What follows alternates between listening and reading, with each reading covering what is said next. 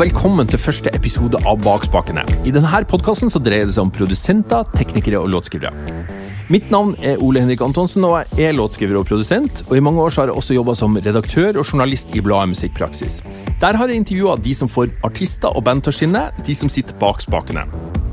De her intervjuene har jeg som regel spilt inn på en liten opptaker eller på telefon, og mer enn én en gang har jeg tenkt at jeg måtte utelate masse informasjon fordi jeg ikke har plass i et portrettintervju som kanskje skal være på maks 3000 eller 4000 ord på trykk. Ofte har jeg tenkt at dersom jeg hadde hatt et litt bedre opptak av disse her samtalene, så kunne det blitt veldig kule podkaster. Og nå har jeg vært ute og gjort en del sånne opptak. Hver uke fremover så kommer det en ny episode av podkasten Bak spakene. Min første gjest er produsent og låtskriver Martin Sjølli. Han har for tida stor suksess med bl.a. Sigrid, og jobber med hele verden som nedslagsfelt. I mange år så har Martin pendla mellom Oslo og London for å skrive låter, forsøke å knytte kontakter og sakte, men sikkert jobbe seg mot toppen av internasjonal platebransje. Alle som har prøvd det, vet at det ikke er lett. Og det blir ikke akkurat enklere når det skal kombineres med et liv som småbarnsfar og huslån som skal betales. I løpet av den neste drøye timen så skal du få bli bedre kjent med Martin, og høre om oppturer og nedturer underveis. Bak spakene lages i samarbeid med Benum, og før vi går i gang, så skal du få høre noen ord fra dem. Mikrofoner fra Shore finner du i studioer og på scener i hele verden. Men Shore er mye mer enn SM57 og SM58. Headset og ørepropper, ribbon og kondensatormikrofoner, in-air og trådløst. Se hele utvalget fra Shore og få de beste prisene på benum.no – bak spakene. Benum Norsk distributør av lyd- og musikkutstyr. Ja, da er in the park, som for tida er et rom i Propeller Music Division i Mølleparken i Oslo. Velkommen tilbake spakene, Martin. Tusen takk. Det slo meg litt at uh, jeg har kjent deg ganske lenge, men jeg vet egentlig veldig lite om barndommen din. Ja, for vi møttes uh, ja. da vi var godt inne i 20-åra, eh, begge to. Jeg var vel kanskje Du var kanskje gått inn i 30-åra? Ja, jeg var, var, kanskje det. uten, å, ja, uten å rippe opp. Uh, ja, ja. Nei. Nei, det er sant, det jeg vokste opp uh, i Asker, Kristiansand og Oslo. De fleste som kommer fra Oslo, har jo en eller annen sånn bydelstilhørighet, men det har ikke jeg helt på samme måten, for jeg har alltid gått på skoler der det har vært barn fra hele byen. Så jeg gikk på um, ungdomsskolen på et sted som het KG, eller Kristelig gymnasium. Og det er et sånt sted hvor folk kommer fra hele byen. da. KG har jo alltid vært et bra musikkskole. De hadde et veldig bra sånn koropplegg og øverom og bra musikklærere. og Selv om ikke det var der liksom brorparten av musikkutviklinga foregikk, så var det jo en del av det. Det var viktig? Ja, det, det var, var, nok viktigere med kirketilhørigheten og den derre at jeg vokste opp i et sånn menighetsmiljø og hadde mulighet til å spille og øve og utvikle meg og opptre og alt det der. Det var nok ja. det som var det aller viktigste. Spilte du i band og sånne ting, da? Eller hvordan ble det? Ja, altså det var en sånn kombinasjon av at når jeg vokste opp, så Eh, så var jeg en del av et sånn menighetsmiljø. eller Moren og faren min var aktive i et menighetsmiljø, og da var det jo sånn kor man kunne være med på, og musikkurs man kunne være med på. sånn, så, så etter hvert så endte jeg jo opp med å først spille trommer for et kor, og så endte jeg opp med å spille piano. Eh, litt for gudstjenester og sånn, og så endte jeg opp med å dirigere et kor etter hvert.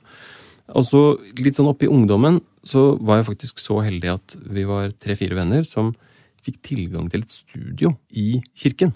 På et eller annet tidspunkt så hadde noen bygd et studio der som de skulle bruke til å spille inn gudstjenester eller jeg vet ikke hva, med en gammel Soundcraft-mikser og en sånn tolvspors Akai båndmaskin, sånn Betacam eh, Ja, ja, ja. Sånn, sånn, sånn MG1214 ja, eller noe sånt? Ja, noe sånt. Ja. Jeg mener at det var beta, det teipformatet. Ja. Og så litt seinere så ble det ADAT, da, med sånne SVHS-kassetter med åtte spor på hver. Eh, jo, og en gammel Akai-sampler og noen helt enkle effekter. Det var det vi hadde. Men det var jo helt gull, for det var ingen andre som brukte det studioet. Og så fikk vi nøkler når vi var sånn 15-16, og så fikk vi lov å henge der og spille inn ting og skrive låter og prøve å lage musikk. Og på et tidspunkt så var det liksom et slags band, da, det vi holdt på med i studio der, som hadde som ambisjon å gi ut musikk. Det gjorde vi vel aldri, men det var en fantastisk sånn training ground, som ja. sier. Ja. Og så ble det videregående på Foss? Ja. Musikklinja på Foss i tre år, som for så vidt var veldig bra. altså Veldig fint miljø. Fortsatt masse kontakt med noen av de menneskene som gikk der. Selv om Foss var jo veldig sånn, fokusert på jazz og klassisk på den tida. Ja. Så at vi måtte jo jobbe ganske hardt for å få lov å spille jazz istedenfor klassisk. Eh, og så måtte vi jobbe enda hardere for å få lov å spille pop istedenfor jazz. da. Ja. For det, det var jo noen av oss som hadde veldig ambisjoner om å jobbe med popmusikk Ja. allerede. Du hadde det da? Ja. Ja. Jeg hadde en ganske sånn sterk følelse av at det var det jeg ville drive med. Altså, jeg hadde lyst til å drive med studiojobbing, låtskriving og produksjon. Så selv om jeg hadde all mulig respekt for, for jazztradisjonen og har fortsatt interesse for det, og sånn, så, og er veldig glad i klassisk musikk, så føltes det mye mer relevant for meg å få lov å utvikle meg på låtskriving og produksjon da, enn å øve på standardlåter, liksom. Hvem hvem var heltene dine på den tida der? Når jeg gikk så på videregående, og sånn, så var det, det var jo David Foster og Quincy Jones og Det var liksom sånn jeg skjønte at jeg hadde lyst til å bli produsent. da. Litt fordi man bare leste i platecoveret og, oppdaga at produsenter fantes i det hele tatt, og at det var en slags sånn mystisk bakmann som man ikke visste helt hva gjorde. Men det virka i hvert fall veldig kult. da. Mm.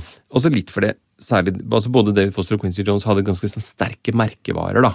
Ja. Særlig på 80- og 90-tallet, hvor de ga ut soloplater og samleplater med ting som de hadde produsert, og stilte seg selv greit i sentrum av mye av den musikken de hadde lagd. Og det var nok sikkert mye der det kom fra, da. Så jeg begynte på Lipa i 1999, og så var jeg der i tre år. Og mens jeg gikk der, så møtte jeg to andre låtskrivere, produsenter, som jeg starta et låtskriverteam sammen med. Det var et sånt produksjonsteam da, på tre stykker. Som jobba sammen gjennom de tre årene. Og som hadde som ambisjon å starte en karriere sammen. da, egentlig. Jeg brukte veldig mye av tiden min mens jeg gikk der på det. Og så var det selvfølgelig litt undervisning eh, også innimellom. Men det viktigste med å komme dit, og det fineste med å komme dit, er alle menneskene man møter. Og miljøet du får være en del av. Kanskje mer enn, eller absolutt mer enn undervisningen. Mm. Man har kanskje et sånt bilde av at man skal få masse nye innsikter eller lære seg masse nye triks som man ikke vil lære seg. Men de triksene tror jeg du lærer av de andre elevene. da. Og av å sitte oppe, jobbe natta lang i studio og bare få ren praktisk hands on-erfaring. da. Kanskje man lærer noe av å være i et annet miljø enn det norske òg? Ja, definitivt. Og så tror jeg det faktisk det ligger en god del læring i bare det å reise hjemmefra og ta det skrittet og si at nå drar jeg til et helt nytt sted der ingen kjenner meg, og nå skal jeg bare drive med dette i tre år og se hvor god jeg kan bli. Så det, det gjorde også absolutt noe for meg. Det føltes som et stort steg. da. Og så er det sånn at det som ikke alle vet, da, er at når uh, man starter på et engelsk universitet, så det, så starter man sammen med engelske 18-åringer. Noen av dem er 17, noen av dem er 18. Og Da jeg kom til Lipa, så var jeg 20, for jeg hadde venta ett år etter videregående. Og du er ganske mye mer moden når du er 20 enn når du er 17. Så, og da er du ganske mye mer klar for å bare starte. Du vil, du vil at karrieren din skal starte. ikke sant? Mens de 17-åringene de flytter jo rett ut fra mammas kjeller og er liksom de er egentlig bare på å drikke og liksom bare teste alt mulig. da. Yeah. Så, så liksom, kanskje sånn litt ut i tredje klasse et sted, så begynner de å tenke på at eh, nå er det på tide å gjøre noe. Ja. Og den alderen også gjør jo noe med nivået på undervisningen, selvfølgelig. At uh, vi som kom dit og hadde gått på norsk musikklinje, vi hadde jo selvfølgelig all musikkteori og sånn inne, så det var liksom ikke nødvendig å undervise oss i det. Men det har ikke engelskmennene, for de har gjerne ikke gått noe sånn spesialisert. Eh, undervisning før det. Så da måtte man liksom man måtte gjøre alt sånn hørelære og teorilære og sånn, alle de tingene der om igjen. da. Men så det man gjør når man kommer til et sånt sted, er at man bare finner de folka som er like dedikerte som en selv, og så prøver man å starte noe sammen og gjøre noe sjøl. De som du jobba med, var de norske, eller? Nei, det, det var en, en danske og en tysker. Har du kontakt med de i dag? Ja, det Ja. har jeg. Det er faktisk ingen av dem som driver med musikk lenger. Nei. Han ene er grafisk designer, og han andre bor på en gård i Frankrike og driver med sau, tror jeg. ja. altså, øh, men vi har absolutt øh, kontakt fortsatt, ja. Er det andre som er rundt fra den tida der, som du kjenner? Jeg må innrømme at jeg syns det er overraskende få som har endt opp i eh, musikkbransjen, i hvert fall sånn innenfor min sfære. da. Det er jo en del norske som jeg har litt kontakt med, som på hver sin måte jobber i den utvida musikkbransjen, kanskje sånn i kulturhus og sånne ting. Og så er det en, noen av de engelske som holder på. Det er en veldig veldig flink mikstekniker som heter Mike Crossy, som gikk sammen med meg. Han har miksa 1975 og Hosier og en Ja. del sånn Han er veldig veldig flink. da, Han bor i LA nå og jobber med det. Eh, Men utenom han så er det ikke så veldig mange som jobber liksom i min omgangskrets. da. Men det jeg må si med Lipa, altså hvis du liksom tar alle årene etterpå, altså alle som har gått på Lipa siden jeg gikk der Ja. Jeg er jo blitt en gammel mann, så jeg Jeg synes du er veldig, veldig ung ennå, Morten. så er det, møter jeg masse folk som, som har gått der etter meg. Det er ganske mange norske som driver Ja. Altså, du har Karoline Eileen, Electric gutta. Altså Ja, Electric har Accident gått der. Det vet jeg ikke, men Jeg lurer på det. Ja. Det er en som heter Frances, som har gått der, som er veldig flink låtskriver. Thomas Kongshamn har gått der. Ja. Eh, Og Something Sally, altså hele Karpe-gjengen, har, har gått der. Ja, det er masse, masse Ja. folk, da. Da, altså, da det ble klart at jeg ikke skulle jobbe med disse to andre gutta som jeg hadde jobba med, så dro jeg for å assistere en engelsk produsent. Han hadde, var egentlig basert i Frankrike, men øh, jobbet mye i England, da, så han var litt sånn fram og tilbake. Jeg tok over den jobben etter en norsk kamerat som heter Jonas Theis. Det han her, øh, engelskmannen som het James Sanger, det han gjorde, var at han var programmør. Og på den tida der, tidlig 2000-tall, så kunne du jo ta deg godt betalt for å være bare programmør. Ikke sant? Det var liksom før laptopene var kraftige nok og sånn. Så han reiste rundt med en sånn øh, van med en kjempestor analog synssamling. Ja. Med Minimuger og EMS VCS3 og eh, eh, Pentaphonic og sånn. Hundretusenvis av kroner i synter. Og en stor Pro Tools-rigg i et stort rack. Og så kjørte vi rundt til de forskjellige studioene og så rigga opp og satt der og programmerte. Og spilte ting og sånn. Han spilte ikke så veldig mye selv, men han, han var god på å liksom skru, da. ikke sant? Lage rare lyder. Det var det han gjorde. Han hadde eksempel gjort nesten all programmeringa på den første og den andre Dido-plata. Og jobba med Travis og jobba med U2. ikke sant? alt det sånt. Hver gang det sa inn i et refreng, så var det han som så gjorde var det han som Ja. og det, det kunne han ta seg veldig godt betalt for å gjøre. da. Jeg tror han tok uh, 1000 pund dagen, altså ja. 12 000 kroner dagen da, for å gjøre det. Jonas hadde vært sånn lenge, og så var jeg innom hos han og skulle jobbe for han en stund. Men så, rett etter at jeg begynte der, så ringte David Eriksen og spurte om jeg hadde lyst til å komme og jobbe for ham. Så jeg dro først til London og møtte David, for han var der på en innspilling. Så møttes der, tok en drink, og så prata litt sammen. Og så spurte David om jeg hadde lyst til å komme hjem til Norge og, og jobbe for ham Ja. i studioet hans på Grünerløkka. Og det passa egentlig veldig bra, fordi jeg hadde familie hjemme, og jeg hadde selvfølgelig lyst til å jobbe på engelske og amerikanske prosjekter.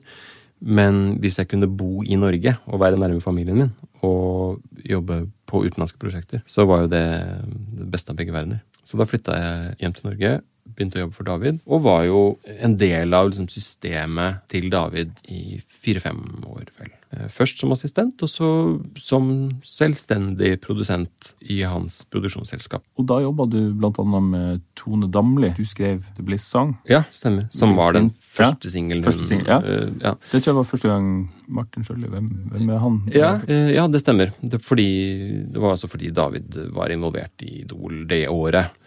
Da hun var med og signerte henne. Og, så, og Geir Sundstøl produserte faktisk Sånn var ja. den, den plata. Det var jo føler sånn, den første sånn, singelen jeg fikk gitt ut som jeg hadde skrevet selv. David hadde jo masse sånn, På den tida så jobba jo han veldig aktivt som produsent sjøl også, i England og USA. Så jeg var jo mye med og reiste med han og jobba med engelske prosjekter og sånn. Mm. David hadde et par andre produsenter også som jobbet hos seg, og så eh, ble jeg en av dem etter hvert. da. Og begynte å jobbe litt mer eh, uavhengig, men Ja. For da eh, vi ble kjent, da flytta du inn på Waterfall, der som jeg jobba Ja. i 2007-2008. Ja. eh, Noe sånt. Og da hadde du begynt å jobbe med Maria Mena. Den første plata som jeg gjorde der, som het Causen Effect. Ja, Ja. ikke sant? Mm. Det stemmer, da kom jeg inn fordi Arvid Solvang, som hadde gjort de platene fram til da, trakk seg. Han ble sjuk og spurte Maria og Jørgen Bratli på Sony om jeg hadde lyst til å komme inn og, og, og produsere ferdig den And Effect. Og da hadde jeg akkurat flytta inn i Waterfall-bygget. Da hadde jeg bestemt meg for at det var på tide å gå solo, så jeg hadde flytta ut fra David. Jeg jobba allerede litt sånn, hadde en del sånn satellittjobber. Hadde jo begynt å jobbe litt for Arvid Solvang, hadde begynt å jobbe litt i andre studioer og sånn. Så det føltes som det var naturlig å gjøre noe eget. Ja, da flytta jeg opp uh, til Waterfall, da, og leide et rom hos Waterfall i Ja. Inkognito-gata. og satte opp et eh, studio der. Da vi skulle produsere den plata, så hadde jeg liksom ikke alt det utstyret jeg trengte. Så måtte, fikk låne masse ting her og der. og Det var virkelig sånn lappeteppe. Bare få det, få det til å funke, liksom. Ja, Men det, det, det gjorde det. ja, det gjorde det. Det ble veldig fint, altså. Ja, det var kjempefint. Men, eh, men eh, da produserte du, men etter hvert så har du også skrevet veldig mye sanger med Maria. Ja, og vi skrev også noen eh, låter på den, på den plata, da. Eh, Da hun kom til meg, så hadde hun sikkert fem-seks av de låtene som endte opp på plata. eh, Og så skrev vi en bunch med nye låter også, da. eh, For å ha litt å velge i. Hvordan er det, var det samarbeidet der? Altså, hvem gjorde hva i, i de Altså, Maria er jo veldig selvdreven på tekst. Det har hun eh, jo alltid vært. Og melodi også. Det kan variere litt, men veldig ofte så kommer hun inn med et ferdig vers og et ferdig refreng. Men hun spiller jo ingen instrumenter. Hun har ikke tatt i et instrument mens hun har skrevet disse låtene. Hun setter seg ned på sofaen, og så synger hun melodien til deg Nettopp. med teksten på. Ja. Og så må du på en måte bare finne ut av hvor akkordene er hen. Og veldig ofte så Hun har jo en veldig god sånn, innebygd harmonisk forståelse. Det ligger jo ofte akkorder i melodien hennes. Så gjelder det bare å finne de riktige akkordene, og så jobbe ut produksjonen. da. Så i den sammenhengen der så har jo jobben min veldig ofte vært å harmonisere det. Og lage noen instrumentale melodilinjer, eller hooks, og så produsere det. Og så når vi har, når vi har fått lagt ned det, og vi vet hvordan første vers og første refreng blir, så, så sitter hun i sofaen og skriver vers to. Og så kanskje vi lager en middle eight eller et eller annet sammen, da. Det har hendt at vi har skrevet ting helt fra bånn av, men det er vel kanskje mer, litt mer sjeldent, da. Hun er litt mer den typen som liker å skrive når hun er inspirert. når Ja. hun kommer noe, Og det er veldig ofte tekst først, da. Det er veldig ofte noe hun vil si, og så kommer melodien deretter. På den tida der, da, når vi begynte å bli kjent, når jeg satt nede i rommet ditt og vi drakk kaffe Vi snakka jo mye om utlandet da, mm. og kanskje særlig UK. Og jeg husker du snakka om eh, din venn Mats Hauge, som også hadde gått på Lipa. Ja, ja, ja, stemmer. Som dro til London, og som hadde skrevet Soulmate med Natasha Beddingfield. Sånn kontra Du følte vel at du hadde lagt ned like mye jobb som han, eh, og så får man en hit i Norge, så er det liksom Det endrer ikke livet på en måte som, som det gjorde for han, da. Jeg husker at jeg var litt inspirert av at eh, du og Lars hadde reist til London, da. eh, Og at dere hadde tatt den investeringa det måtte ha vært, og, og, og vært der en lengre periode. Um, så det var absolutt jeg at det var absolutt noe som jeg hadde lyst til å, å gjøre. Og det handla mye om det der det som vi snakka om. Altså, jeg vet ikke om det er helt riktig å si at jeg hadde jobba like mye som Mats. Jeg vet ikke om du sa det heller, altså. Det kunne vært mine tanker. Men Ja, absolutt. Og, men det er, det er jo på en måte det er noe av det jeg mente. da. Jeg hadde en følelse av at mm, man legger ned så mye tid i noe, så føltes det som om payoffen ville være større om jeg var i London. Ja. Fordi at jeg hadde jo venner som starta på samme sted som meg, og som bygde seg opp, og så, når det smalt, så var liksom smellet så innmari mye høyere der. Og det var jo veldig veldig kult å jobbe med Maria, og jeg fikk, liksom, fikk jobbe med Gabriella. og det var liksom ting som var veldig sånn, Jeg følte liksom at jeg var litt sånn på toppen av gamet her. Ja. Men, men samtidig så, så måtte jeg liksom slite for å Så måtte jeg jobbe skikkelig hardt for å få et decent honorar da, av plateselskapet. Ja. Og det var vel mye av det som frustrerte meg. da. Ja. Pluss at norsk eh, radio genererer jo selvfølgelig noe eh, penger, eller noen vederlag. Og all kudos til Tono og sånn, men, det men det er klart at skjer det i et større land, så blir det mer penger. Må misforstå meg rett, det handler jo ikke bare om penger det her. Vi gjør det jo fordi vi elsker musikk, men det er jo noe med at man har lyst til å kunne overleve, da. Og kunne fortsette å lage musikk. Selvfølgelig. Så det var absolutt en stor del av grunnen til at jeg hadde lyst til å satse på England, da. I tillegg til at det selvfølgelig var liksom barndomsdrøm, at det var liksom stas å få det til i England. Men da jeg satt der i 2009, 2010, 2011 og merka at nå går det veldig bra. Jeg hadde lagd to plater med Maria Mena. Hadde hatt hits i utlandet som tenkte sånn Nå burde jo egentlig hyrene gå oppover. Og isteden så ble jeg liksom pressa nedover hele tida. Ja, for det her var parallelt med en, en veldig dipp i altså Det var Ja. overgangen til strømming og, og alt det det medførte. Ja, det var det. Og, Ja. det var, og det brukte jo selvfølgelig plateselskapene for alt de kunne til å liksom, Mm. skvise honorarene ned. Så plutselig så satt jeg liksom, selv på store prosjekter med honorarer som var såpass små at jeg tenkte jeg må jo lage seks plater i året hvis jeg skal kunne Mm. få til her. Og det finnes jo ikke seks Maria Menaer Nei. i Norge, liksom. Så, så det ble bare en sånn veldig reell greie. Og så snakka jeg masse med kona mi om det, og, og vi hadde jo fått barn. Vi hadde fått tvillinger Ja. i 2011, og det setter jo sitt preg på livet og sånn. Så ble vi enige om det at jeg skulle prøve å reise litt mer over til England da, og prøve å se hva vi kunne få til. Og så tok jeg med familien. På det tidspunktet så var det kona mi og de to tvillingjentene, som var eh, rett over ett år. Og så dro vi til London i én måned. Leide et studio, og så bare sa jeg til alle jeg kjente der borte, bare hjelp meg å sette opp sessions. Og så hadde jeg en publisher, eller et forlag, som var Sony ATV på det tidspunktet. Så jeg bare hjelp meg, hjelp meg å fylle opp kalenderen. Og så gjorde de det, som best de kunne. Og så bodde jeg litt i Nopa-leiligheten, og så bodde jeg et sånt leilighetshotell resten, da. Og så hadde jeg så mye sessions jeg klarte. Etter det, da, så satte jeg som mål at jeg skulle være i London en gang i måneden. Så jeg reiste over hver tredje-fjerde uke, og så var der i tre-fire dager. Så har jeg gjort det siden. Ja. Og så tenkte jeg jo på det tidspunktet her, Da hadde jeg jo kanskje sett for meg at jeg skulle klare å komme meg opp på et ålreit nivå i løpet av et år eller kanskje to. da. Jeg hadde jo satt meg noen sånne mål, liksom. Om at jeg ville ha noe musikk på radioen i England, eller musikk ute, eller kutt på en bra plate, eller et eller annet i løpet av så og så lang tid. da. Og så tok det jo ikke ett år, det tok jo fem år. Ja. Ja. Andre de har vett til å gi seg, da. Ja. jeg vet det. Ja, for det, Man har liksom hørt historien om Stargate og sånn, ikke sant, som bare reiste til New York. ja, så skjedde det med en gang. to ganger, og så Ja. andre gangen så skrev de Ja. So Sick. Um, men det, heldigvis da, så, så sa Fred Ball til meg, for jeg kjente Fred Ball allerede på det tidspunktet, som er en annen norsk låtskriver som bor i London og har bodd der lenge. Da jeg skulle reise over til London, sa han ja, men så kult, da, men bare ikke forvent at alt skal skje liksom, den måneden. Det er veldig kult, og du kommer til å få masse bra låter og masse kontakter og sånn, men du må bare ikke tenke at det skal skje med en gang. Det tenker jeg, det må man alltid tenke. Alle som har lyst til å reise til LA eller lyst til å reise til London eller Stockholm, for den saks skyld. Det skjer ikke på en måned, det skjer sannsynligvis ikke på et halvt år heller. Nei. Det skjer sannsynligvis over to-tre år, i hvert fall. da. Du må investere.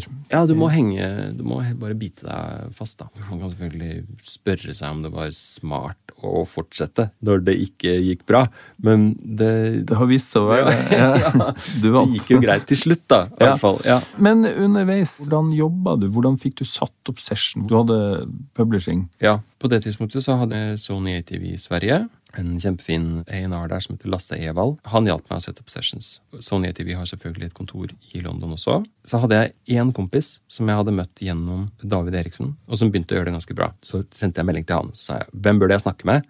Så sa han du burde snakke med manageren min. Han heter Paul. Så sendte jeg mail til Paul. Og så uh, sa Paul ok, skal vi møtes? Og så dro jeg til London. Ens ærend for å møte Paul. Og så satte vi oss ned så sa han kom til London, jeg kan hjelpe deg, jeg liker det du gjør. Eh, kanskje vi kan jobbe sammen. Jeg lover ikke at vi kan manage deg, men vi, vi hjelper deg å sette opp noen sessions. Og så hadde jeg vel et par andre sånne nøkkelpersoner som jeg møtte underveis da. Fra det øyeblikket jeg begynte å reise over der, så hadde jeg jo ikke bare sessions, jeg prøvde å ha møter også. Hvis jeg kunne få noen til å introdusere meg, sende en mail og si hei, hils på Martin, han gjør sånn og sånn, dere burde møtes. Så fikk jeg kanskje satt opp et møte, og så kunne jeg komme inn og møte f.eks. A&Rs på plateselskaper og sånn, eller bli bedre kjent med Sony ATV i England, eller artistmanagere, låtskrivermanagere. Så jeg prøvde bare hele veien å bygge et nettverk, da. Ja. Og så har jeg også hele tiden jobbet veldig mye i det samme studio, som er et sånn typisk studio hvor folk kommer gjennom. Altså, dere var jo i um, Strong Rooms, ikke sant? Ja. Som er litt sånn. Der er det masse folk som kan møte på i gangene og sånn, og det er en bar der. En bar. man kan Og og derfor sånn. vi Ja, ikke sant?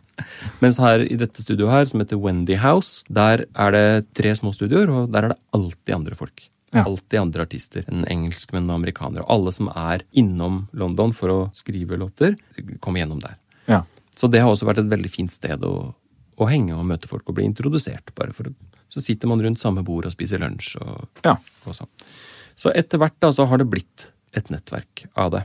Og så, når jeg hadde holdt på noen år, så hadde jeg jo lyst på management. Jeg begynte å merke at det begrenset seg litt hva jeg kunne få til selv, og tenkte at jeg måtte ha noen føtter på bakken da, i England, og at uh, det kunne være et management, eksempel, som kunne supplere den jobben som forlaget gjorde. Da snakket jeg litt med noen forskjellige, men så var det Fred Ball som sa Kjenner du de som jobber på AEM? De er veldig flinke. Caroline Eileen var i ferd med å signe med dem da, så vidt jeg husker. Og så var det en annen felles venn av Fred og meg som het Ana Diaz, en veldig flink svensk låtskriver, som også jobbet med AAM.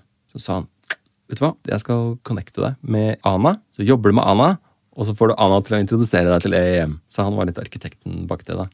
Så gjorde vi det på den måten. Jeg jobba med Anna. Anna introduserte meg for AM. Så hadde vi et uh, møte eller to, og så begynte jeg sånn sakte, men sikkert å jobbe med dem. Det begynner jo ofte sånn at man kanskje starter litt sånn uforpliktende. Man signerer ikke en kontrakt med en gang. Sånn. Man ser litt hva man kan gjøre for hverandre, og om de liker den musikken som de får inn, og om de klarer å gjøre noe. Og så har det blitt et veldig veldig ålreit forhold. Ja, De har jo egentlig vist seg å være om mulig enda viktigere enn forlaget på å sette opp skrivesessions og møter, og til og med pitchelåter. Og så jobba du med Sam Smith.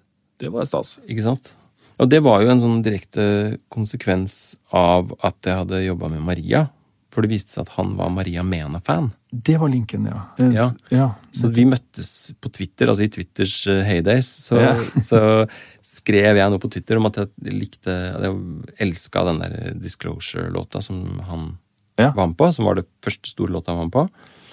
Eh, Og så gikk det fem minutter, og så fikk jeg svar. Wow. Og så skrev han at, at han ja, I'm a big fan of yours. Og så tenkte jeg, Det var veldig rart. Jeg var jo ikke vant til at engelskmenn hadde hørt om meg, eller hørt om den musikken jeg jobba med. Men så viste det seg at han og en venninne som jeg fortsatt kjenner den dag i dag, da, de vokste opp sammen og hadde hørt på Maria Mena-plater. Nettopp. Og elska det. Og syntes det var kjempestas. Så da fikk jo Sam og jeg kontakt, og så satte vi opp en skrivesession. Og det her var jo rett før han ble signa. Altså han hadde gitt ut den Disclosure-låten, men han hadde, han hadde ikke signa sin egen deal ennå. Så den første sessionen vi hadde, da jobba han fortsatt på puben. Han hadde fått noe penger, så han hadde kjøpt seg et par nye Dr. Martens, men da følte han seg helt gæren, liksom. Og følte sånn, det her burde jeg egentlig ikke gjort. Um, og så, så hadde vi to dager da med Sam og Jimmy Napes, som er hans hovedlåtskriverpartner. Var det da, og er det vel fortsatt en dag i dag. Og så fortsatte det samarbeidet i et års tid framover. Vi hadde tre-fire sessions til sammen. Noe med Jimmy, noe med noen andre låtskriv- co-låtskrivere. Og da tenkte jeg liksom nå, nå funker det. det nå skjer det. det går, nå går det bra. Ja. Og så kom ingen av de låtene med Nei. på plata. Det ble bare stille. Og så kom tracklistinga ut. På, de delte tracklistinga på Twitter, og så var ingen av låtene mine med.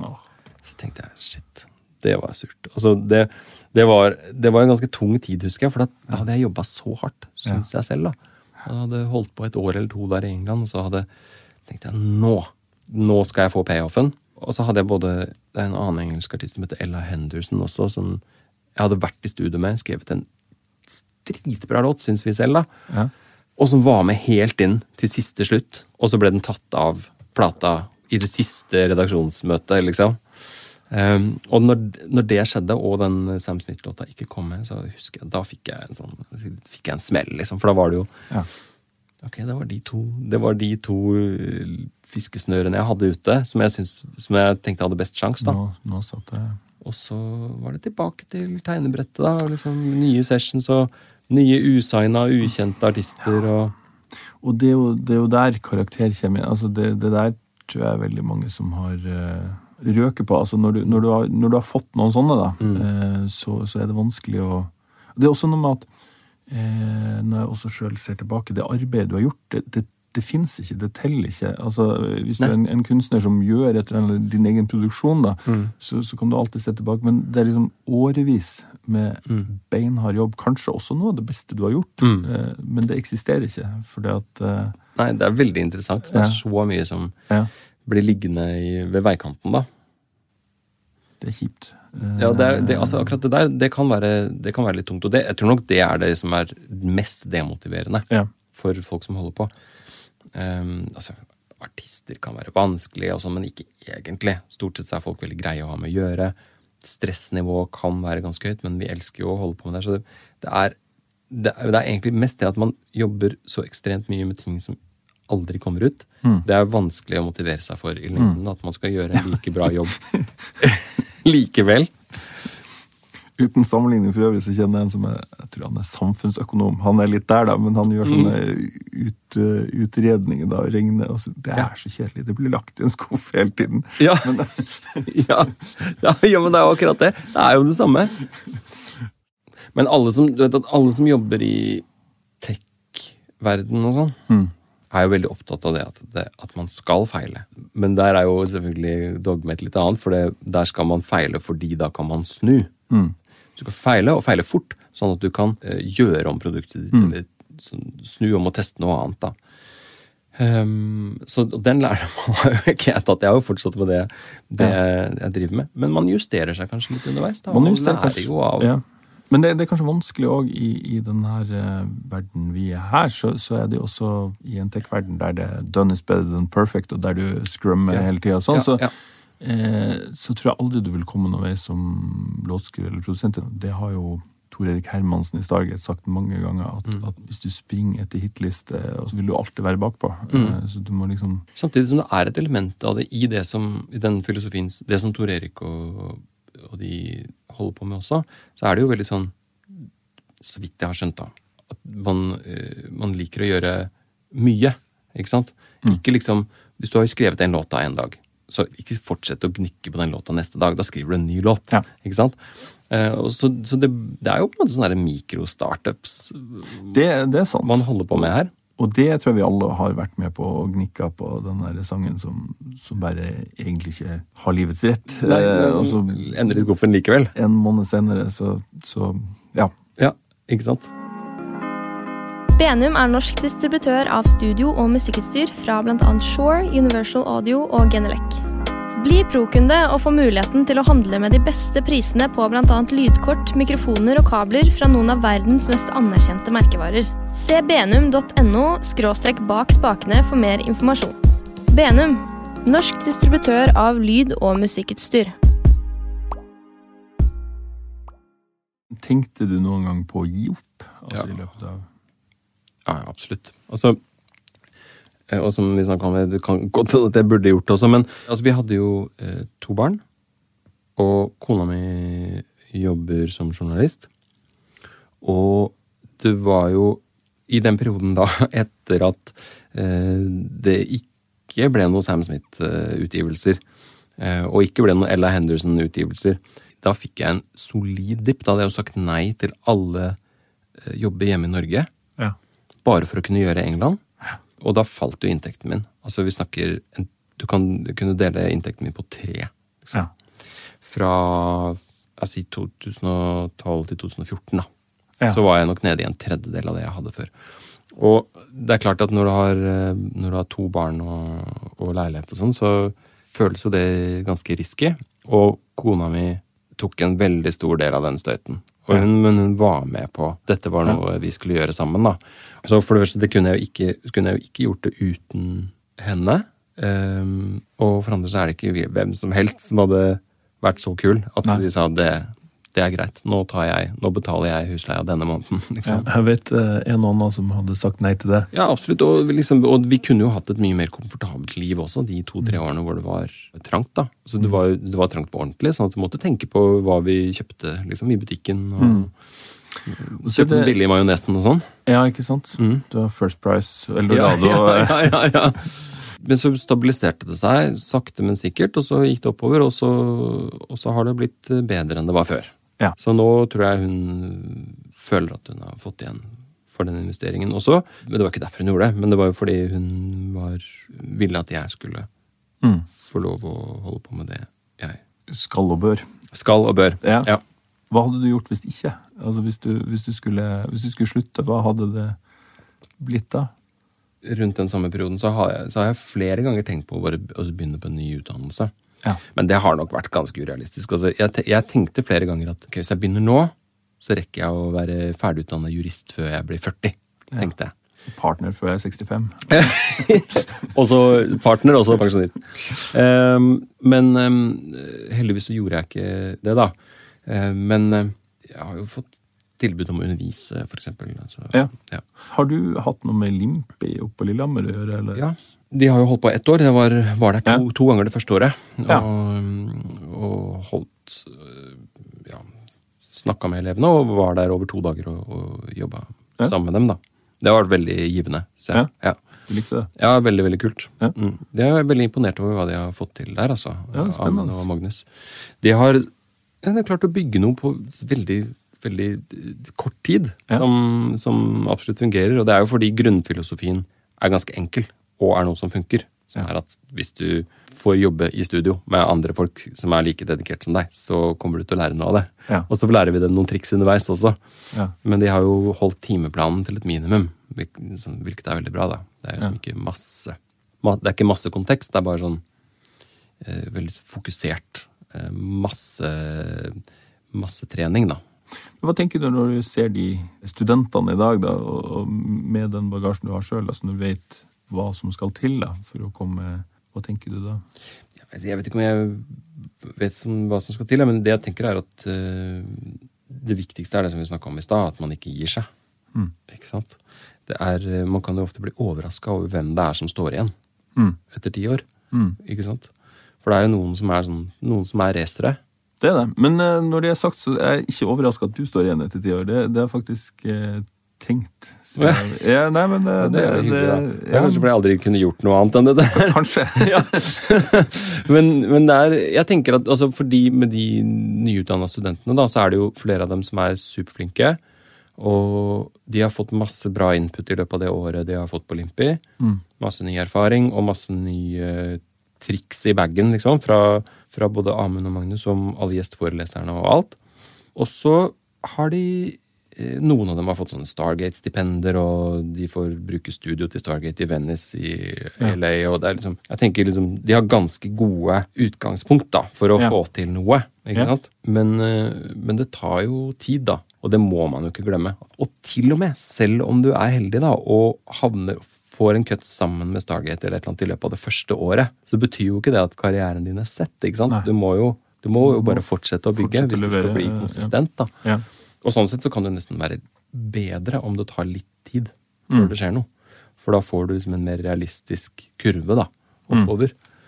Kan se på Karoline også. Karoline Alin, som er så enormt talentfull og så hardt arbeidende. Det har jo tatt tid, det også. Det ikke sant? Ja. Sigrid er jo et skille her, på en måte. Hvordan møtte du henne? Altså, bakhistorien der er at eh, nå, nå er vi i 2017 Nei, vi er i 2016. Og da eh, har jeg management med AAM. Og så nevner de for meg at det finnes en norsk jente som de har hørt om, som er veldig flink, som jeg burde jobbe med. Som heter Sigrid. Og så hun hadde jobbet med noen av deres andre klienter i England. Og så begynner jeg å grave litt, og så viser det seg at det er eh, Geir Luedi som er manageren hennes. Og så kjenner jeg Geir ganske godt fra noen år tilbake. Ja. Så, så de, i og med at de mener at jeg burde jobbe med henne, så når de sier det, eller når jeg skjønner det, så kommer jeg på at selvfølgelig, jeg møtte jo Geir på byen på Bylarm, og han sa du, jeg har en jente som Ja. du må jobbe med. Ja. Dere to. Det er et perfekt match. Hun er dritbra låtskriver. eh, og dere to må jobbe med. Jobbe sammen. Ok, selvfølgelig. ok, Hun har jeg hørt om. Og så eh, tar jeg kontakt med Geir, og så setter vi opp en session. Finner noen ledige dager. Så kommer hun eh, til meg i juni 2016. Og så skriver vi en låt sammen på de to dagene. Og det var Don't Kill My Vibe. Da er det du som er den der eh, Stargate. eh, Ja. Drar over til New York, og så En dag, altså. Men da, det er to ting som er litt interessante der. Det ene er at jeg skjønte etterpå at jeg visste hvem hun var, for hun hadde jo vært signert i noen år. Ja. Ja. På um, et norsk plateselskap, og så hadde hun um, Petroleum. Petroleum. Yes. Um, og så hadde hun fått en del hjelp av sine venner på Ocean Sound Recordings. Ja. Um, Ante og Lars. Uh, og de kjenner jeg også godt. Og, uh, så de hadde faktisk spurt meg noen år tidligere om jeg kunne tenke meg å, å, å jobbe med henne, men da passet ikke det. Og da var det såpass utydelig på det tidspunktet liksom, hva som kom til å skje, så da jobbet ikke vi sammen da. Nei. Men så heldigvis så endte vi opp med å jobbe sammen senere. Og så husker jeg at jeg, før hun kom i studio, så snakket vi litt sammen på Så vi meldte litt om hva slags musikk hun hadde lyst til å lage. Så jeg hadde litt med en liten feeling. Jeg tror hun hadde sendt meg noen referanser. Og så hadde jeg, jeg hadde sendt henne noen låter jeg hadde gjort, og så hadde hun sagt hvilke av de hun likte. Og sånn, og så hadde hun sendt meg noen referanser, så vidt jeg husker da. Så da hadde vi liksom litt research Ja. i bånn før vi begynte. Og så satt vi og prata litt før, før session også. Og det har jeg kommet fram til at det er ganske nyttig å ha den, der, den lille brifen på forhånd. Ja. Og enten man lager noen ideer som man vil starte som scratch, altså ha som scratch-ideer, eller man ikke gjør det, så tenker jeg at det uansett det gjør noe med at, det, at man er prima da, Ja. for, å, for å gjøre en ålreit jobb. For det kan være litt stressende noen ganger når du møter noen for første gang, og så skal du liksom begynne å skrive noe sammen. Du risikerer jo alltid å bli sittende og stirre i veggen og lure på hva man skal gjøre. Skjer det ofte, eller? Ja, Det hender faktisk. Ja. Og, men, enda, men det som kanskje er enda vanligere, er at man har lyst til å lage god stemning, sånn at man med en gang noen kommer opp med noe som ligner på en låt, er Ja. sånn, ja, det der var bra! Og da ruller man liksom på den ideen, og så er det jo ikke sikkert at det er den beste ideen Nei. du kunne komme på. Så da, det må man jo lære seg å angripe, da. Enten så kanskje man bare skal si kjempefin idé, vi legger den til side, og så starter vi på noe nytt. Kanskje vi skal starte på et par ideer før vi går videre. Eh, Men en annen ting er det der, den der ideen om å liksom ha mentalt, forberedt seg mentalt. da, Sånn at du ikke bare setter deg ned og bare trykker på første presetet på synten og så liksom spiller noen akkorder, men at det ligger en idé At du, har, Bak, at du kommer, kommer med en idé til Ja. Nei, det, det er interessant det der. Altså Alle tror jeg som har skrevet sanger, har sittet i sånne mm, hype seg sjøl-sessioner der Å, det her er fantastisk. Men det har også vært i noen sånne Det er kanskje noen av de mest suksessfulle folkene jeg har vært ganske ubehagelige. da, eh, sånn på sånn her, De bare slakter det tvei. Nei. Ja. Det er jo noe med det også, da. For at det er ikke så lett neste gang. Ja, du, jeg har en idé, skal vi være med å gjøre sånn og sånn? Nei. Tre sekunder etter at eh, du, det der er det verste jeg har hørt i hele mitt Altså, Ja. Nei, men, så man må, jo, man må jo være diplomat. Mm. Det syns jeg I hvert fall i min verden så er det ikke noe vei utenom det. da. Nei. Men samtidig så er det jo Jeg husker ikke om det var Tor Erik eller om det var Amund Bjørklund eller hvem det var som sa at det er ikke din jobb å sørge for at artisten har en uh, hyggelig dag i studio. Nei. Egentlig. Altså Det er en bonus, selvfølgelig, Ja. man kan gjøre det, men det er ikke det som er hovedoppgaven her. Nei. Poenget er at du skal få en god låt ut av det, og at um, du skal kunne sende fra deg noe på slutten av dagen. Og øh, hvis den blir øh, kjempebra, og den blir en hit, så kan jo artisten heller sitte i intervjuer og fortelle om Om var, hvor fint det var å skrive den låta. Men øh, altså, Det er deres øh, sitat og ikke mitt, men, men jeg, jeg tror det er noe i det. da, At man, man må liksom holde, klare å holde øye på ballen. Mm. Det kommer fra meg, som er veldig sånn Jeg liker best når folk har det hyggelig rundt meg. Jeg Ja. er jo ikke så veldig sånn konfronterende av natur, så jeg liker jo best mm, når det er hyggelig. Nei, absolutt.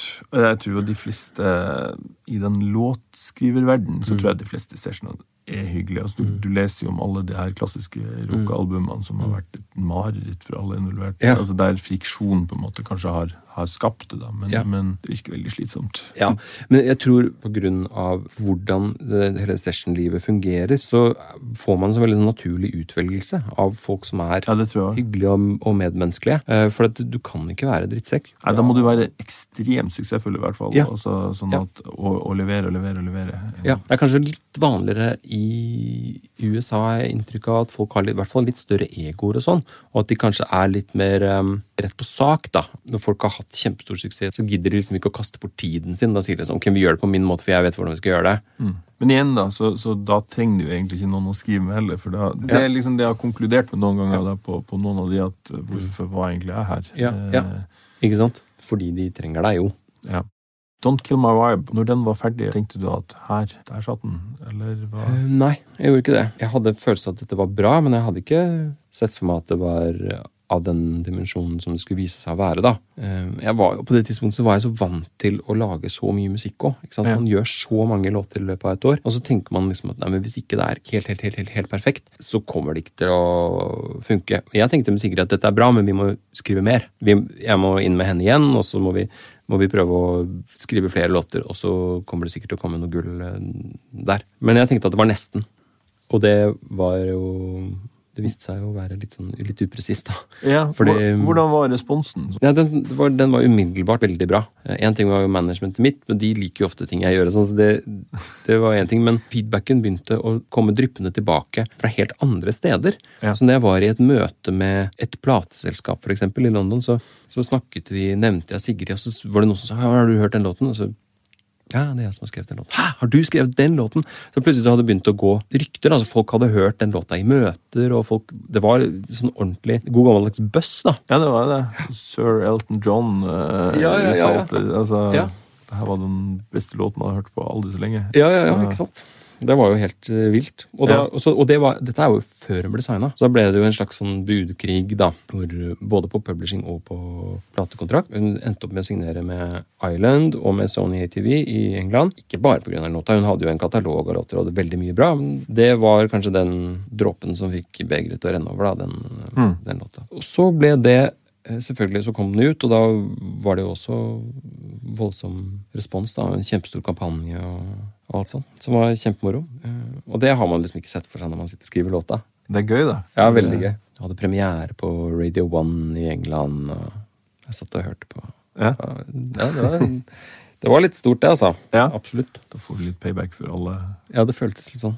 Men det er jo altså all mulig kreditt til Sigrid der. Hun er jo helt Hun er jo liksom den fødte artist og en utrolig bra låtskriver. Der følte jeg bare at vi hadde en veldig bra match. da, At vi utfylte hverandre veldig bra. Åpenbart. Hun er helt unik når det kommer til eh, melodier og Ja, hvordan er de sessionene typisk, når, når dere kommer sammen og, og Nei, altså de, de sessionene med Sigrid fungerer vel etter sånn at eh, vi starter helt fra scratch. Og veldig ofte så sitter hun på, ved pianoet. Det hender at vi legger ned noen akkorder, eller at vi starter og begynner å programmere noen trommer og sånn. Sånn at vi får en slags vib, da, at vi får en følelse av som, hvordan det skal låte. Eh, ganske tidlig. Men hun fungerer veldig bra når hun sitter ved pianoet. Så hun kan sitte og spille og synge samtidig. Så renner det melodier ut. Og, og det, det funker utrolig bra. Og så si at vi har kommet opp med noe som vi syns fungerer.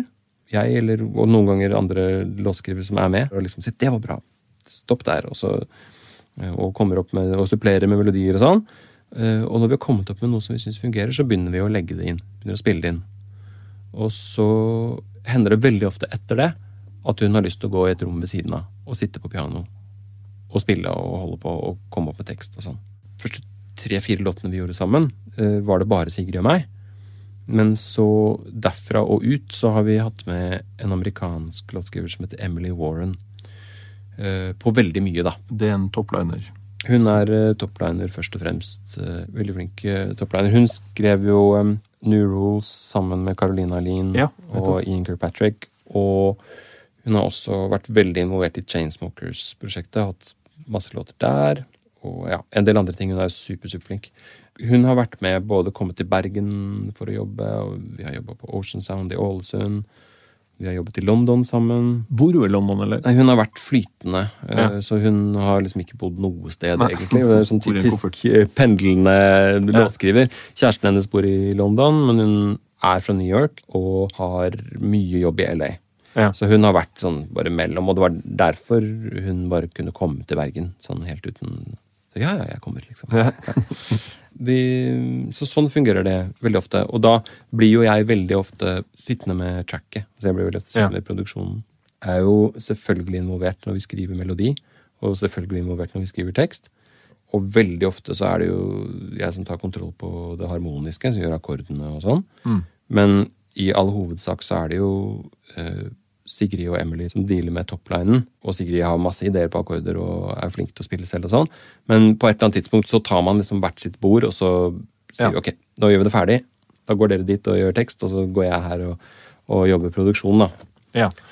Har du med noe track eller noe sånt inn i session da, eller er det, du, starter, du starter helt fra Starter alltid helt fra scratch. Ja. Men det hender at jeg forbereder litt lyder og sånn. At jeg liksom tenker dette kunne vært fint til dette universet. Ja. Men det er ikke noe vits å ha med seg noe ferdig tracks inn. I hvert fall ikke med Sigrid, for hun så, liker så godt å sitte ved piano og liksom komme opp med ting Ja. selv. da.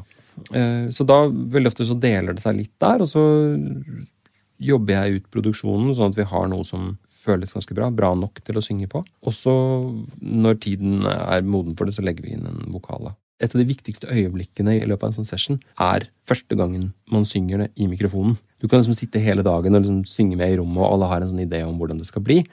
Men det er først når noen går opp til mikrofonen og synger, og du får det på tracket, at du får en ordentlig følelse av om det funker eller ikke. Så det jeg har lært, er at jo tidligere du kan gjøre det, jo bedre. Og om det så bare er en SM7, at man bare har en superenkel scratch som man kan få inn, sånn at man kan bygge tracker rundt det. For da hender det veldig ofte at du, liksom, at du kjenner at ah, ok, men den, faktisk den linja der sitter ikke så bra, eller kanskje vi var litt for tilgivende med den, eh, den punchlinen der, eller liksom, vi må, her må vi redigere. Men da får du liksom unnagjort det litt tidligere. For hvis du venter til slutten av dagen, så er hjernen ganske kjørt. Ja. Og da er det mye vanskeligere å ta den der Det er mye vanskeligere å presentere den Hei, dere, skal vi skrive om, eller? Når du har sittet i åtte timer Alle allerede. er klar for å gå. Ja, kan vi bare synge nå, og så bare ja, ja, for jeg skal på en middag, og det er alltid sånn, ikke sant. Eh, så det, det har jeg blitt veldig glad i. Jo fortere, jo bedre. Selv før du får tekst, bare ja. Ja. Eller bare nynne inn, liksom, sånn at, du Ja. kan, sånn at du kan jobbe med det. Når dere er ferdige og du skal produsere det ut, hvor lang tid tar typisk det?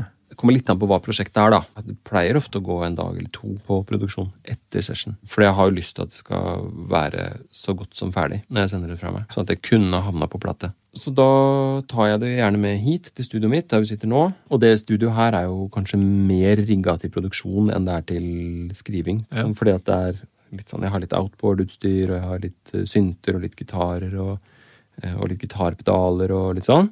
Det er sånne ting som man kan rote seg litt borti hvis man, Ja. fort, hvis man egentlig skal skrive. Men det funker veldig fint til å produsere og gjøre pålegg og bytte ut ting og sånn. Så da bruker jeg en, en eller to dager på det, og skrur og mikser og tuner og holder på til jeg syns at det er bra nok, og så sender jeg det av gårde.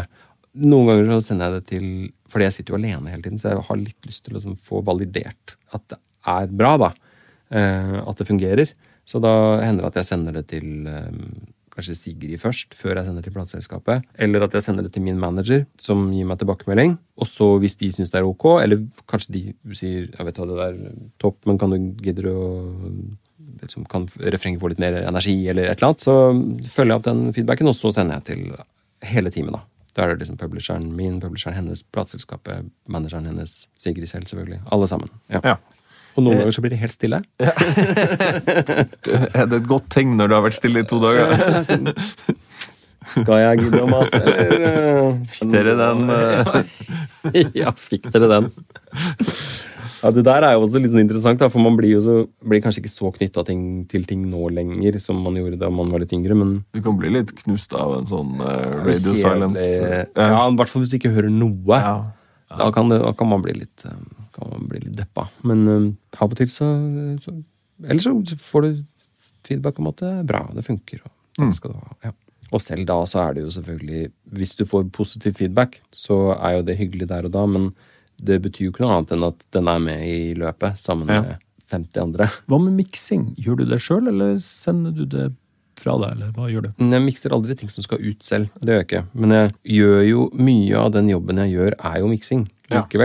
Altså sånn i, de, I hele prosessen med både produksjon og med å lage en demo, så er det jo det er jo veldig mye som man i gamle dager ville kalt miksing. Altså Ja. sånn sitte og automatisere bort s-er og ja, og bare ren sånn kompresjon og EQ og desing og klanging og sitter og automatiserer klanger inn og ut av refreng og vers og man, Det er jo veldig mange av de valgene der som er miksevalg, men som også er musikalske og produksjonsvalg, da. For å liksom støtte opp under strukturen i låta, eller for den saks skyld å fortelle historien i låta. Altså hvor mye klang du har på, på verset. Kan jo hjelpe å gjøre fortellerstemmen mer intim, eller, eller refrenget større og mer pompøst. ikke sant? Eh, Det er jo veldig mye av det som er miksing, men jeg liker ikke å gi ut ting som er miksa sjøl. For det føler jeg meg liksom ikke god nok på, da. Så da har jeg noen folk som jeg jobber med på det. Hvem er det du pleier å bruke? Hvis jeg, som Til vanlig så jobber jeg veldig mye med en engelskmann som heter Jamie Snell, som er superduperflink. Vi er på samme management. Han har gjort masse for meg. Og så på Sigrid-plata så har det, var det jo en amerikaner som heter Serban Genya, som er sånn superstjerne, da. Ganske flink. Ja, han er Ja. veldig flink. Det begynte med at han miksa Strangers, den ene singelen, og så ble det til at han miksa hele plata. Det er sånn første gangen jeg har hatt sånn opplevelse at ok, nå låter det som en singel. Plutselig så var det sånn å ja, det, nå, der satt den, gitt. Ja. Så det var kjempe, kjempe, kjempegøy.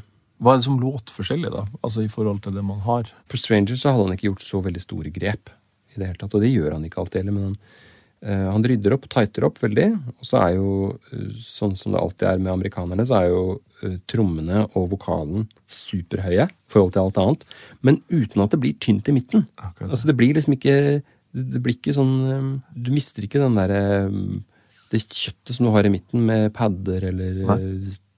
keyboards og sånn. Og så mikser han altså helt vanvittig høyt.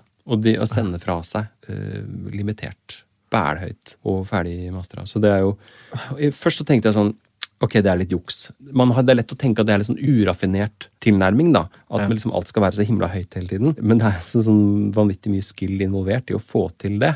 Ja. Og når han skal mastre det, eller når det skal mastres hos et masteringhus, så sender jo ikke han fra seg en ulimitert versjon. Han sender den høye versjonen. Fordi han har jo miksa inn i den limiteren. Han tenk, Ja. Det er sånn han har tenkt hele veien. Det er, liksom, det er hele hans estetikk, det. Og hvis limiteren gjør et eller annet som er uflatterende, så kompenserer han for det i sin miks. Så han kan ikke sende fra seg en ulimitert versjon til, en, til et masteringhus og så forvente at det skal funke. da. Så hvis du hadde hørt uh, lyttemiksen til uh, Serban og uh, den ferdige masteren fra Sterling rett ved siden av hverandre, så er du ganske god til å høre forskjell. ja. Det er basically ingenting de kan gjøre med. Nei, det er det er sånn, så ABR så hører du liksom bare at stereobildet bare flytter seg to grader Ja. ut. Det er sånn bitte, bitte litt bredere, men det er enormt liten forskjell, altså. Nei, så han er bare Han er super, supergod på, på vokallyd og på trommelyd og Mm. Og på å få det til å låte svært, da. Det er jo ikke alt det funker på, sikkert, men, men på det greiene som vi har gjort med Sigrid, i hvert fall, så har det vært helt vanvittig bra. Og alt som han har miksa for Max Martin, og sånn, så låter jo helt sinnssykt bra, syns jeg, da. Mm, det gjør det. Og så er det noe når du får en sånn som han, da, som har i hvert fall ti år har miksa sånn vanvittig stor andel av hits i verden, så, Ja. så, så er det på en måte Det er litt udiskutabelt om det er bra. eller. Altså, Det, det gjør at du høres ut som de andre hitene. Ja. på en måte. Ja, ja, Altså, ja, ja. Det, det blir Ja. noe trademark i det. Ja, definitivt. Hvilke planer har du fremover nå? Akkurat nå så holder jeg på med Jeg holder egentlig på sånn som jeg alltid har gjort. Så jeg jobber masse med engelske artister og låtskrivere. Reiser fortsatt over, skriver nye ting som jeg tar med meg tilbake hit og gjør ferdig. Jeg har jobba liksom over litt lengre tid med, eh, med Years and Years, som er en engelsk band. Som jeg liker veldig godt. Eh, Så får vi se hva som kommer av det, men det føles i hvert fall veldig bra, det vi holder på med. Jeg, Forrige uke så var jeg med en artist som heter Tom O'Dell, og en litt sånn eh, mer ukjent nysigna artist som heter JC Stewart. Han er ikke nysigna, men han, er, han har ikke gitt ut så mye ennå. På Warner i England. Så er jeg litt manager for en norsk Oi. jente. Veldig kul jente som heter Emma Jensen. Som eh, jeg er manager sammen med, med to andre. Når vi spiller inn dette, så er det fem dager til hun kommer med eh, en låt. Som er eh, veldig, veldig bra. Så der har jeg ikke vært involvert på produksjon og sånn. Der har jeg vært mer A&R. Hvordan er det? Jeg liker det veldig godt, jeg. Ja. Kjempefint å være en del av den, få jobbe med prosessen fra den sida. Eh, særlig når man får jobbe med flinke folk, da. Hun har skrevet låta med to jenter i Stockholm som heter eh, Mad Fun. Madde og, Madde og Fanny. Eh, så er det en annen svenske som heter Albin Nedler, som har eh, produsert, da, som også er super, superflink. Så det har vært veldig, veldig kult å kunne bare bruke ørene. Og være litt sånn organisator, egentlig, mer enn å sitte hands on. da. Så det er noe som jeg har veldig lyst til å gjøre mer av etter hvert. Um, så hun er jo, ja, Emma er kjempekul. Og så skal jeg jobbe litt med Dagny denne uka her. Så skal jeg jobbe litt med Emma Steinbakken, som er en ny norsk jente på Ja. eh, 16 år, som er superflink. Jeg så på Bylarm i vinter, det var helt rått. Ja, veldig, veldig bra. Og så Sigrid, da. Hun er jo ute på turné, men vi har sånn helt smått begynt å skrive litt ny musikk. Ja. Så får vi se hva som skjer der. Om, Ja. kan, for alt jeg vet, kan det hende at hun har lyst til å gjøre noe helt nytt, men, men i hvert fall vi, vi tester litt og skriver litt. da. Ja. Du sitter i Propeller eh, Mm. i dag, Mm. eh, og du har tidligere vært eh, både hos David Eriksen i Eccentric, Mm. du var innom Mm. Arvid Solvang i Viagram, Mm. og ledet rom hos Watfold og Wendy House i, London. Hvor, hvor viktig er det å være en del av et miljø, tenker du? Eh, veldig. Jeg syns det er veldig viktig.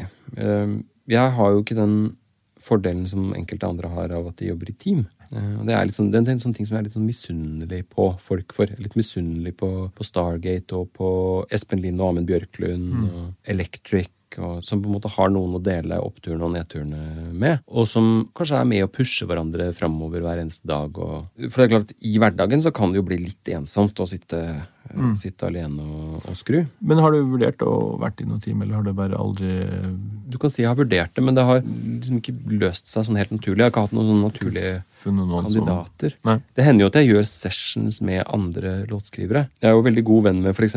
Eh, Mats Lie Skåre, som jeg tror Ja. du skal snakke med på et tidspunkt. Ja, Eh, det skal jeg. ja, Vi møttes jo hos David Eriksen, og eh, Thomas Eriksen, som er en Ja. annen veldig veldig, veldig flink produsent, som jeg også møtte hos David Eriksen. Vi er jo kjempegode venner og eh, gjør jo ting sammen fra tid til annen. Eh, Og det syns jeg er kjempegivende. Og jeg må ikke sitte ved roret. Jeg syns det er helt eh, topp å dele den eh, stolen med noen, da. Og kunne så kaste ideer rundt på en helt annen måte da enn man gjør når man er alene. Altså, Jeg elsker å jobbe på den måten. Jeg har liksom ikke funnet en person som har vært en bra match, eller som har vært på et sted i livet der det liksom passer å begynne å jobbe sammen. Du vet, Ja. Det er jo liksom noe som man gjerne gjør når man er litt ung. Men det har vært en veldig viktig ting for meg å være i sånne studiofellesskap. da. Du nevnte jo David Eriksen, Eccentric, Waterfall og ikke minst det studioet jeg var i før dette her, var jo et Ja. studiofellesskap på, i Pilstredet Pilestredet Ja, ikke sant? med, Even Ormstad og Hasse Rossbakk. Det har masse å si. Og ikke minst her på Propeller, hvor det er masse artister som kommer gjennom hele tiden. For det er altså Kåre Vestreim og Mai Kartung jobber jo med alt som kan krype og gå av folk i Norge. Mm. Og vi har masteringen her også, som gjør at det er fullt gjennomtrekk av artister og produsenter. Da. Det har masse å si. At jeg kan bare få møte folk og prate litt sånn om kompressorer og sånn. Man må det. Ja, man må det. Og for, og for liksom kan, Det er så mange ting. altså Man kan være frustrert over kunder, eller bare det har skjedd noe gøy, og man har lyst, å, lyst på noen å dele det med. eller for den saks skyld å kunne spørre om tekniske råd. Altså. Nå kan jeg gå og spørre Mike, hva gjør du liksom? Hva gjør du hvis du skal sende signalet ut fra en konverteren din til en gitarpedal? Hvordan løser du det? Så det, jeg syns det er supernyttig, da. Jeg er usikker på om vi egentlig liksom gir hverandre noe særlig sånn jobb sånn direkte. Vi jobber jo ikke så veldig masse sammen, men jeg er helt overbevist om at det har en stor verdi likevel. da, At vi er Ja. på samme sted. Fortell litt om studioet ditt, Martin. Eh, oppsettet, hvordan du jobber.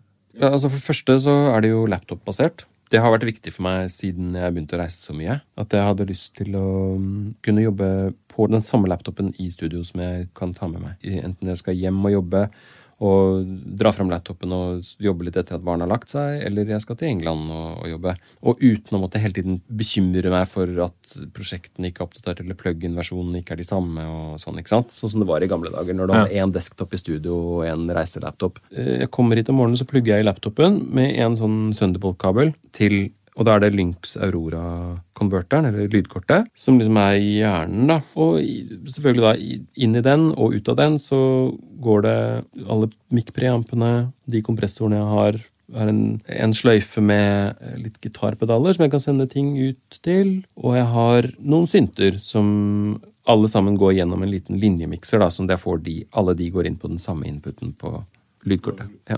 Og så har jeg et par høyttalere som er ødelagt. De som jeg vanligvis jobber på, er, eh, heter Barefoot Micromain 35. Strømforsyninga røyk, så de er på service. Så da har jeg lånt noen gamle genelekker. Og så Ja. har jeg et par NS10-er som bare er en hyggelig sånn avveksling.